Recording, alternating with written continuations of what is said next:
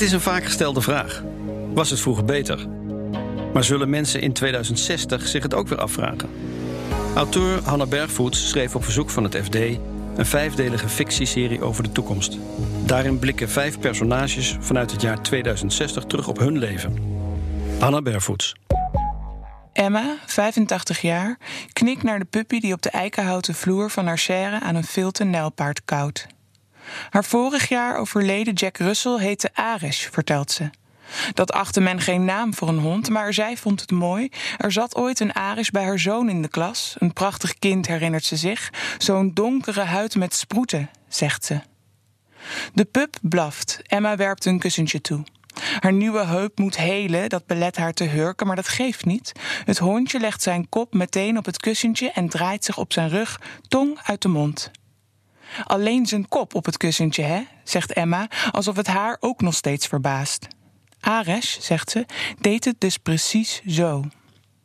Het hondje op de grond is 100% genetisch identiek aan haar vorige Jack Russell.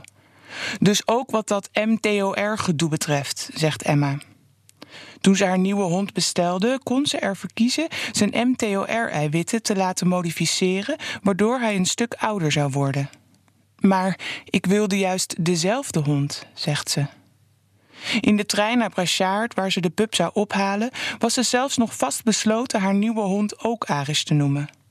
Maar toen ze op de terugweg met de bench op schoot zat, via de oogjes van Aris in de oogjes van het nieuwe dier keek, zag ze er plots vanaf.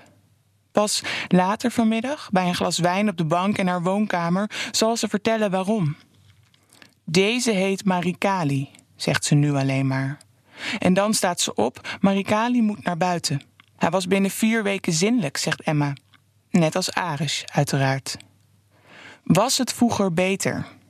Met die vraag starten we onze zomerserie over 85 zijn anno nu 2060. Emma heeft erover nagedacht, zegt ze terwijl ze haar laarzen aantrekt. Het antwoord is ja en nee, natuurlijk. Ze klopt op haar heup. Familiekwaal. Haar moeder kreeg in de jaren tien een nieuw exemplaar van metaal. Ze kreeg er kobaltvergiftiging van, zegt Emma.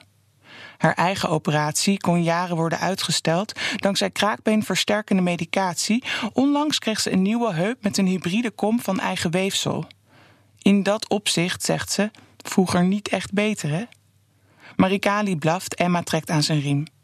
Maar als ik verder naar mezelf kijk, naar mijn eigen leven, nog een rukje aan de riem, dan lopen we naar buiten het tuinpad af. De beste jaren, zegt Emma, liggen nu wel achter me. Vader vertegenwoordiger, moeder tandarts, twee broers, veel hockey, vat Emma haar jeugd samen. Haar leven begon pas echt toen ze haar zoon kreeg, zegt ze. Lekker cliché, hè? Maar haar kind, hij was anders dan andere jongens, vertelt Emma. Altijd aan, altijd kijken, vermaken, altijd vragen, als kleuter al. Kwamen mijn vriendinnen eten, dan wachtte hij hen op bij de deur om hen welkom te heten. Hele gesprekken voerde hij met ze, waar ze vandaan kwamen, wat vonden ze lekker. Hij wilde nooit slapen. Achteraf gezien, zegt Emma, was dat laatste misschien een soort aanwijzing. Een aanwijzing waarvoor? Voor later, zegt Emma, en we lopen plots iets sneller, hop, hop, door de buitenwijk in Breda, de stad van haar jeugd. Toen haar moeder 25 jaar geleden overleed, verkocht ze haar eigen appartement in Goes om in het ouderlijk huis te komen wonen. Weg bij de kust, zegt ze, net voor de eerste waterpeilprognose. Plots een grote grijns. Haar werk als notaris kon ze gewoon blijven doen. De zaken liepen eind jaren 30 beter dan ooit. Door de waterpeilprognoses gebeurde er een hoop op de vastgoedmarkt. Daarbij wilde die ooit zo antimaterialistische babyboomer, zoals Emma ze noemt, op het laatste moment toch nog van alles vastleggen. Ik was een van de weinigen in deze gemeente die nog op de oude manier werkte. Persoonlijk contact, papieren contract, glaasje bubbels. En dat in een tijd waarin juridische transacties via distributed ledgers afgehandeld werden.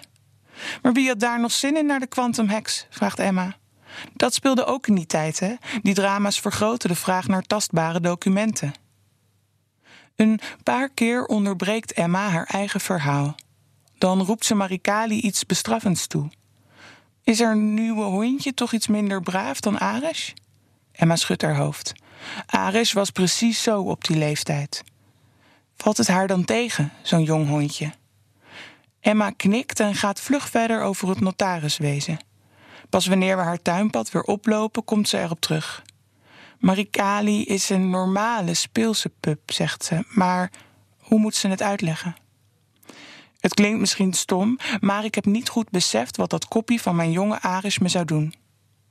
De Aris waar zij van hield, vertelt ze, was de driejarige Aris die haar begeleidde bij haar voettocht naar Santiago de Compostela. De tienjarige Aris die op haar schoot zat bij de crematie van haar oudste broer. De achttienjarige Aris die, uit zichzelf, zijn kop tegen haar pijnlijke heup vleide. Dat is de Aris die ze vorig jaar zo miste nog steeds mist. Maar, zegt ze, kleine Aris, puppy Aris, daar heb ik nooit zo om gegeven. We zijn thuis. Emma zit op een kruk om haar laarzen uit te trekken. Wil ze vertellen hoe ze puppy Aris kreeg? Ze steekt een hand op, een gespeeld teken van overgave. Eerst wijn, oké? Aris kwam in 2041, vertelt ze, nu op de bank met een pleet om. Haar zoon was 28 en woonde na een paar jaar op kamers opnieuw bij haar in. Het ging niet goed met Leo, zegt ze. Het is de eerste keer dat Emma zijn naam noemt. Zo lang geleden is het niet, vertelt ze, maar wat geneesmiddelen voor bipolariteit type 4 betreft hadden ze geen idee toen. Steeds kreeg Leo andere pillen, vertelt ze. Achteraf gezien clusterbommen die van alles kapot maakten zonder het juiste doel te raken. In Canada schreven artsen al lang gepersonaliseerde medicatie voor, maar hier hadden ze de techniek niet eens om Leo's neurochemisch profiel fatsoenlijk in kaart te brengen. Hij wilde ondertussen niets meer. Niet slapen, niet eten, niet naar Canada. Ik smeerde zijn boterhammen. Hij wilde alleen nog maar pindakaas met stukjes, precies zoals vroeger. Een buurjongen adviseerde haar een hond te nemen.